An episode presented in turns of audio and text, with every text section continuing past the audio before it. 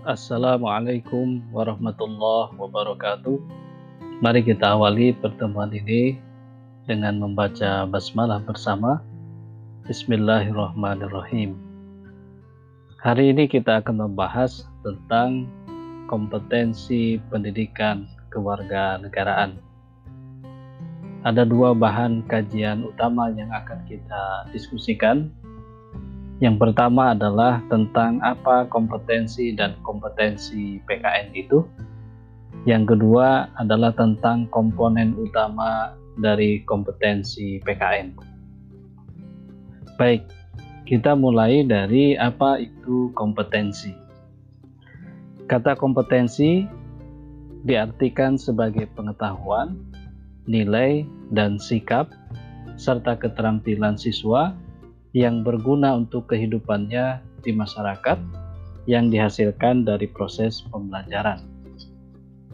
Di dalam kompetensi, atau siswa yang kompeten atau manusia yang kompeten berarti mereka yang memiliki pengetahuan, memiliki nilai, memiliki sikap, dan memiliki keterampilan yang kesemuanya itu berguna untuk kehidupannya di masyarakat.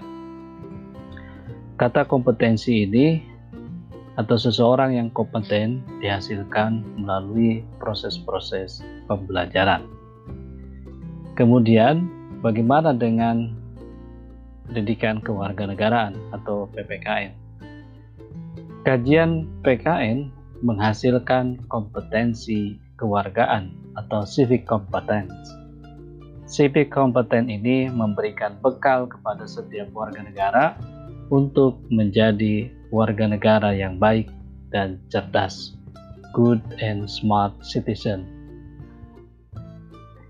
Kompetensi kewarganegaraan dengan demikian adalah pengetahuan, nilai, dan sikap serta keterampilan yang mendukung siswa atau peserta didik menjadi warga negara yang partisipatif dan bertanggung jawab dalam kehidupan bermasyarakat, berbangsa, dan bernegara. Komponen utama kompetensi kewarganegaraan atau biasa juga disebut sebagai kompetensi kewargaan terdiri atas tiga komponen utama meliputi pengetahuan kewargaan atau civic knowledge keterampilan kewargaan atau civic skill, dan watak kewargaan atau civic disposition. Ketiga komponen utama kompetensi kewargaan itu dikemukakan oleh Center for Civic Education di Amerika Serikat tahun 1994. Dalam pandangan lain, seorang ahli bidang pendidikan kewarganegaraan yaitu John Patrick tahun 99 pernah mengemukakan bahwa komponen utama kompetensi kewargaan itu meliputi yang pertama adalah civic knowledge yaitu knowledge of citizenship and government in democracy. Kemudian yang kedua cognitive civic skill yaitu berkaitan dengan uh, cognitive skills of democratic citizenship Kemudian yang ketiga, participatory skills of democratic citizenship atau participatory civic skill dan yang keempat, virtue and disposition of democratic citizenship atau civic disposition. Keempat komponen utama yang dikemukakan oleh John Patrick ini pada hakikatnya sama dengan apa yang dikemukakan sebelumnya yaitu oleh Center for Civic Education yang hanya membagi menjadi tiga komponen utama, di mana dari tiga komponen utama itu, salah satu komponen uh, civic skill itu kemudian dibagi menjadi dua bagian, yang akhirnya menjadikan komponen utama itu sama menjadi empat komponen utama. Yang pertama adalah civic knowledge. Civic knowledge atau pengetahuan kewargaan ini berkaitan dengan kandungan atau substansi atau apa yang seharusnya diketahui oleh warga negara. Hal ini berkaitan dengan hak dan kewajibannya sebagai warga negara. Jadi, komponen yang pertama, civic knowledge, berkaitan dengan substansi, berkaitan dengan kandungan, atau berkaitan dengan apa yang seharusnya diketahui oleh warga negara pengetahuan-pengetahuan apa yang seharusnya dimiliki oleh setiap warga negara. Dalam hal ini, pengetahuan utama yang perlu dimiliki oleh setiap warga negara adalah pengetahuan berkaitan dengan hak dan kewajiban konstitusionalnya sebagai warga negara. Kemudian, pengetahuan uh, kewargaan ini bersifat mendasar terutama tentang struktur dan sistem politik, tentang negara. Kemudian yang kedua, pemerintah dan sistem sosial yang ideal, sebagaimana terdokumentasi di dalam kehidupan berbangsa dan bernegara. Yang ketiga adalah nilai-nilai universal dalam masyarakat demokratis, dan yang keempat, cara-cara kerjasama untuk mewujudkan kemajuan bersama dan hidup berdampingan secara damai dalam masyarakat global. Itulah empat hal yang menjadi pengetahuan mendasar yang harus dimiliki oleh setiap warga negara dalam rangka terbentuknya komponen civic knowledge atau pengetahuan kewargaan. Pengetahuan kewargaan ini selalu diwujudkan dalam bentuk lima pertanyaan penting yang secara terus-menerus harus diajukan sebagai sumber belajar PKN. Apa saja kelima pertanyaan penting itu? Yang pertama adalah apa kehidupan kewarganegaraan, politik, dan pemerintahan itu?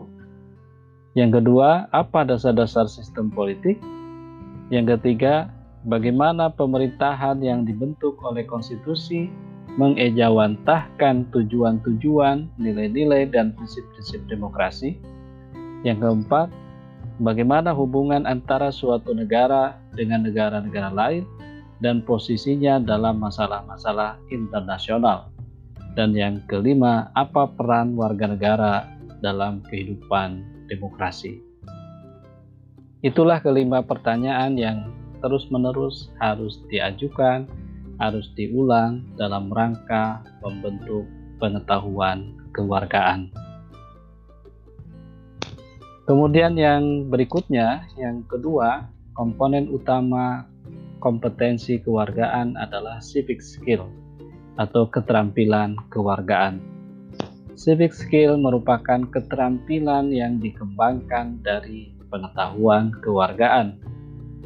Dimaksudkan agar pengetahuan yang diperoleh menjadi sesuatu yang bermakna karena dapat dimanfaatkan dalam menghadapi masalah-masalah kehidupan berbangsa dan bernegara. Civic skill ini dikelompokkan ke dalam dua kelompok. Yang pertama, keterampilan intelektual atau intellectual skills. Yang kedua adalah keterampilan partisipatoris atau partisipasi skill partisipasi, partisipasi skills. Keterampilan intelektual yang utama adalah kemampuan berpikir kritis. Kemampuan berpikir kritis merupakan keterampilan intelektual yang penting untuk seorang warga negara yang berpengetahuan, efektif, dan bertanggung jawab. Center for Civic Education dan The Civic Framework for National Assessment of Educational Progress sebagaimana dikutip oleh Branson pada tahun 98 menyebutkan bahwa keterampilan intelektual meliputi keterampilan untuk mengidentifikasi dan mendeskripsikan, menjelaskan dan menganalisis serta mengevaluasi posisi, mengambil sikap atau posisi dan membela posisi terhadap isu-isu publik. Jadi ada tiga indikator utama seseorang memiliki keterampilan intelektual atau ada tiga tuntutan ketika seseorang diharapkan memiliki keterampilan intelektual sebagai warga negara.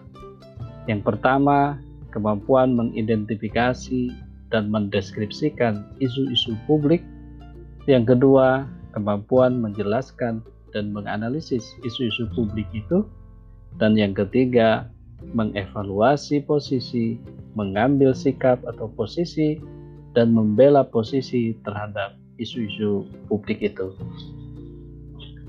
Sedangkan keterampilan partisipatoris meliputi kemampuan warga negara untuk berinteraksi, untuk melakukan pengawasan, dan untuk mempengaruhi.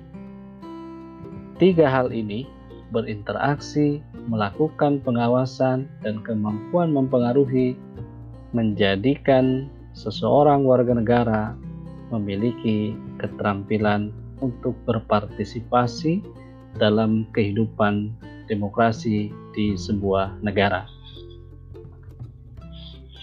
Kemampuan berinteraksi atau keterampilan berinteraksi berkaitan dengan keterampilan-keterampilan warga negara dalam berkomunikasi dan bekerja sama dengan orang lain.